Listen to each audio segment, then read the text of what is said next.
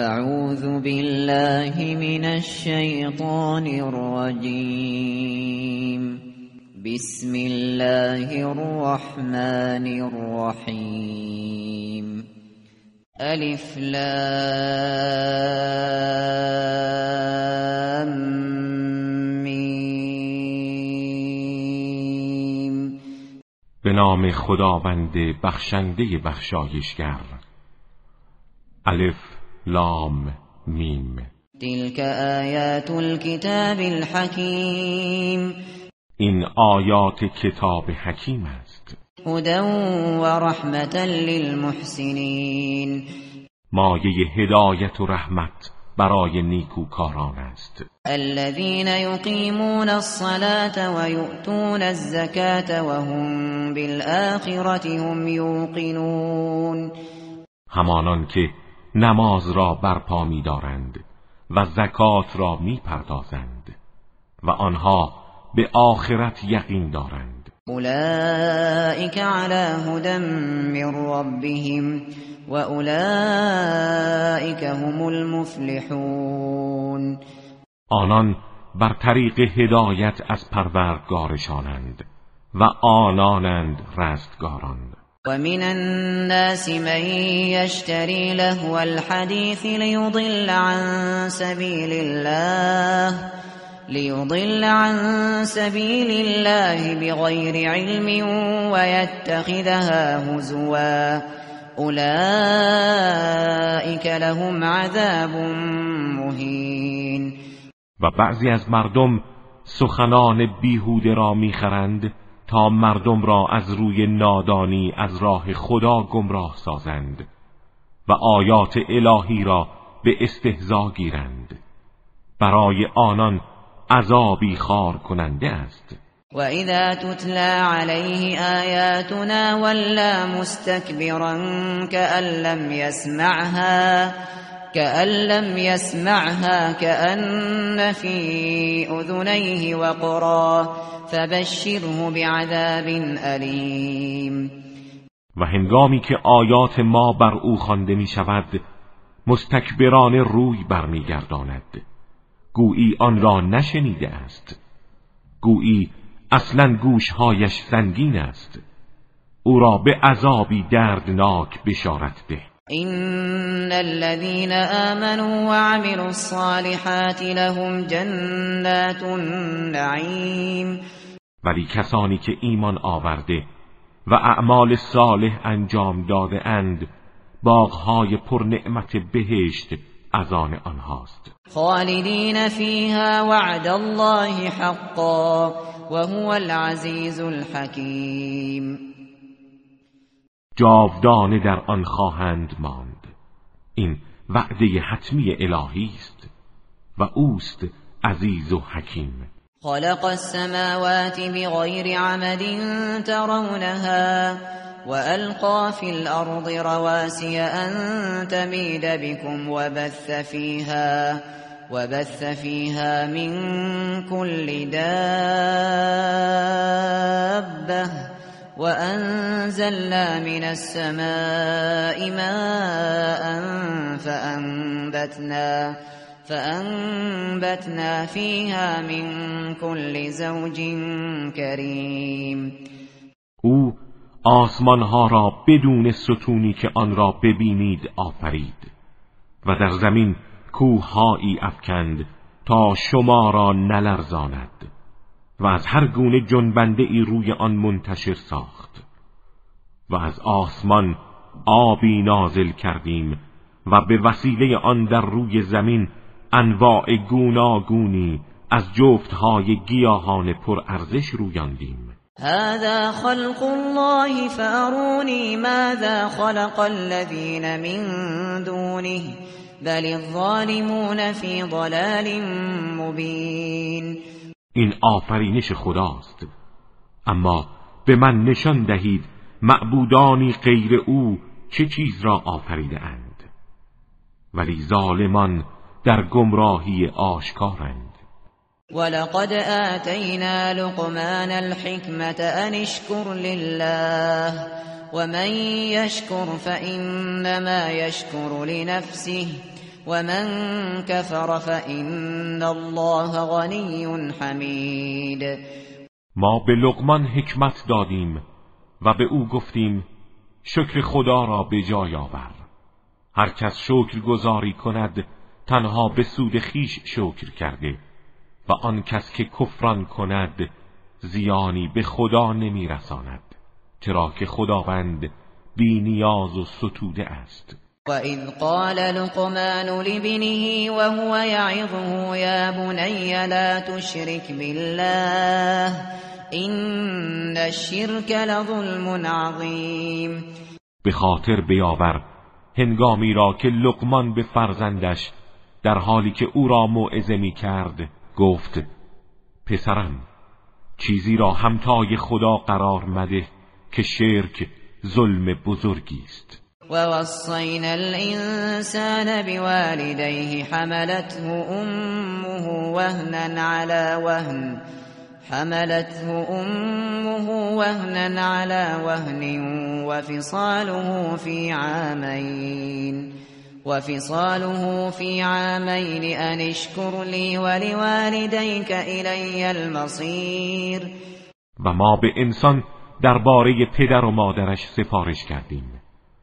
مادرش او را با ناتوانی روی ناتوانی حمل کرد و دوران شیرخارگی او در دو سال پایان مییابد. آری به او توصیه کردم که برای من و برای پدر و مادرت شکر به جا آور که بازگشت همه شما به سوی من است. و این جاهداك على ان تشرك بی ما ليس لك به علم فلا تطعهما وصاحبهما في الدنيا معروفا واتبع سبيل من اناب إلي ثم إلي مرجعكم فأنبئكم بما كنتم تعملون و هرگاه آن دو تلاش کنند که تو چیزی را همتای من قرار دهی که از آن آگاهی نداری از ایشان اطاعت مکن ولی با آن دو در دنیا به طرز شایسته ای رفتار کن و از راه کسانی پیروی کن که توبه کنان به سوی من آمده اند.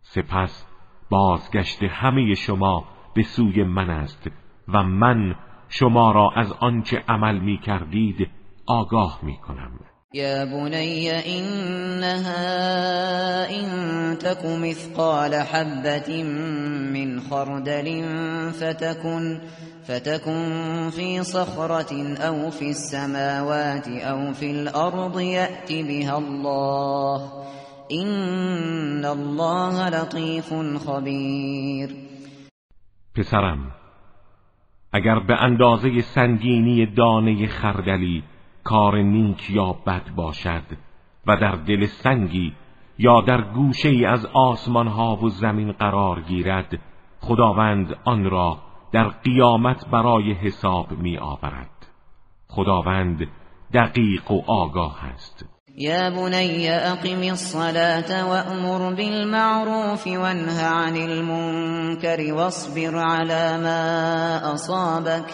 این ذلك من عزم الامور پسرم نماز را برپادار و امر به معروف و نهی از منکر کن و در برابر مسایبی که به تو می‌رسد شکیبا باش که این از کارهای مهم است. ولا تصعر خدك للناس ولا تمشي في الارض مرحا ان الله لا يحب كل مختال فخور.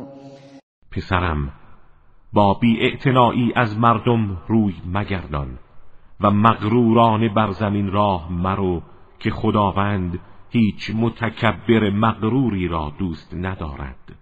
وقصد في مشيك واغضض من صوتك إن أنكر الأصوات لصوت الحمیر پسرم در راه رفتن اعتدال را رعایت کن. از صدای خود بکاه که زشتترین صداها صدای خران است. ألم تروا أن الله سخر لكم ما في السماوات وما في الأرض وأسبغ عليكم وأسبغ عليكم نعمه ظاهرة وباطنة ومن الناس من يجادل في الله بغير علم ولا هدى ولا هدى ولا كتاب منیر آیا ندیدید خداوند آنچه را در آسمان ها و زمین است مسخر شما کرده و نعمتهای آشکار و پنهان خود را به طور فراوان بر شما ارزانی داشته است؟ ولی بعضی از مردم بدون هیچ دانش و هدایت و کتاب روشنگری درباره خدا مجادله می کنند وَإِذَا قِيلَ لَهُمُ اتَّبِعُوا مَا أَنزَلَ اللَّهُ قَالُوا قالوا بل نتبع ما وجدنا عليه آباءنا أولو كان الشيطان يدعوهم إلى عذاب السعير. و هنگامی که به آنان گفته شود از آنچه خدا نازل کرده پیروی کنید می‌گویند نه بلکه ما از چیزی پیروی می‌کنیم که پدران خود را بر آن یافتیم. آیا حتی اگر شیطان آنان را دعوت به عذاب آتش فروزان کند باز هم تبعیت می کنند ومن يسلم وجهه إلى الله وهو محسن فقد استمسك فقد استمسك بالعروة الوثقى وإلى الله عاقبة الأمور. کسی که روی خود را تسلیم خدا کند در حالی که نیکوکار باشد به دستگیره محکمی چنگ زده و عاقبت همه کارها به سوی خداست. و من کفر فلا يحزنك كفره إلينا مرجعهم فننبئهم بما عملوا إن الله علیم بذات الصدور و کسی که کافر شود کفر او تو را غمگین نسازد. بازگشت همه آنان به سوی ماست و ما آنها را از اعمالی که انجام داده اند و نتایج شوم آن آگاه خواهیم ساخت. خداوند به آنچه درون سینه هاست آگاه است. نمتعهم قلیلا ثم نضطرهم الى عذاب غلیظ. ما اندکی آنها را از متاع دنیا بهرهمند می کنیم سپس آنها را به تحمل عذاب شدیدی وادار می سازیم ولئن سألتهم من خلق السماوات والأرض ليقولن الله قل الحمد لله بل اکثرهم لا يعلمون. و هرگاه از آنان سؤال کنی چه کسی آسمان ها و زمین را آفریده است؟ مسلما می‌گویند الله بگو الحمدلله. ولی بیشتر آنان نمی‌دانند. لله ما فی السماوات والارض این الله هو الغنی الحمید. آنچه در آسمان ها و زمین است از آن خداست چرا که خداوند بی نیاز و شایسته ستایش است. ولو ان ما في الارض من شجرة اقلام والبحر يمده والبحر يمده من بعده سبعة أبحر ما نفدت ما نفدت كلمات الله. إن الله عزيز حكيم. و اگر همه درختان روی زمین قلم شود و دریا برای آن مرکب گردد و هفت دریاچه به آن افزوده شود اینها همه تمام می شود ولی کلمات خدا پایان نمی گیرد خداوند عزیز و حکیم است. ما خلقكم ولا بعثكم الا كنفس واحده این الله سمیع بصیر آفرینش و برانگیختن همه شما در قیامت همانند یک فرد بیش نیست. خداوند شنوا و بیناست. ألم تر أن الله یولج الليل في النهار ويولج النهار في الليل وسخر الشمس والقمر كل يجري إلى أجل مسمى وأن الله بما تعملون خبیر آیا ندیدی که خداوند شب را در روز و روز را در شب داخل می کند و خورشید و ماه را مسخر ساخته و هر کدام تا سرآمد معینی به حرکت خود ادامه می دهند؟ خداوند به آنچه انجام می دهید آگاه است. ذلك بأن الله هو الحق وأن ما يدعون من دونه الباطل وأن الله هو العلی الكبیر اینها همه دلیل بر آن است که خداوند حق است و آنچه غیر از او می‌خوانند باطل است و خداوند بلند مقام و بزرگ مرتبه است. الم تر ان الفلك تجري في البحر بنعمت الله ليريكم من آياته این فی ذلك لآیات لكل صبار شکور آیا ندیدی کشتی ها بر صفحه دریاها به فرمان خدا و به برکت نعمت او حرکت می کنند تا بخشی از آیاتش را به شما نشان دهد؟ در اینها نشانه است برای کسانی که شکیبا و شکر گذارند وإذا غشيهم موج كالظلل دعوا الله مخلصين له الدين فلما نجاهم إلى البر فمنهم مقتصد فلما نجاهم إلى البر فمنهم مقتصد وما يجحد بآياتنا إلا كل ختار كفور و هنگامی که در سفر دریا موجی همچون ابرها آنان را بپوشاند خدا را با اخلاص می‌خوانند. اما وقتی آنها را به خشکی رساند و نجات داد بعضی راه اعتدال را پیش می‌گیرند و به ایمان خود وفادار میمانند در حالی که بعضی دیگر فراموش کرده راه کفر را پیش می‌گیرند.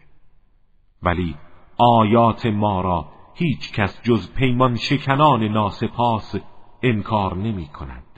یا ایها الناس اتقوا ربكم واخشوا یوما واخشوا يوما لا يجزي والد عن ولده ولا مولود ولا مولود هو جاز عن والده شيئا إن وعد الله حق. فلا تغرنكم الحياة الدنيا ولا يغرنكم بالله الغرور. ای مردم تقوای الهی پیشه کنید و بترسید از روزی که نه پدر کیفر اعمال فرزندش را تحمل می کند و نه فرزند چیزی از کیفر اعمال پدرش را. به یقین وعده الهی حق است. پس مبادا زندگانی دنیا شما را بفریبد و مبادا شیطان فریبکار شما را به کرم خدا مغرور سازد. این الله عنده علم الساعة وينزل الغيث ويعلم ما في الأرحام. وما تدري نفس ماذا تكسب غدا وما تدري نفس بأي أرض تموت إن الله علیم خبیر آگاهی از زمان قیام قیامت مخصوص خداست و اوست که باران را نازل می کند و آنچه را که در رحمهای مادران است می‌داند. و هیچ کس نمی‌داند فردا چه به دست می آورد و هیچ کس نمی‌داند در چه سرزمینی می میرد خداوند عالم و آگاه است.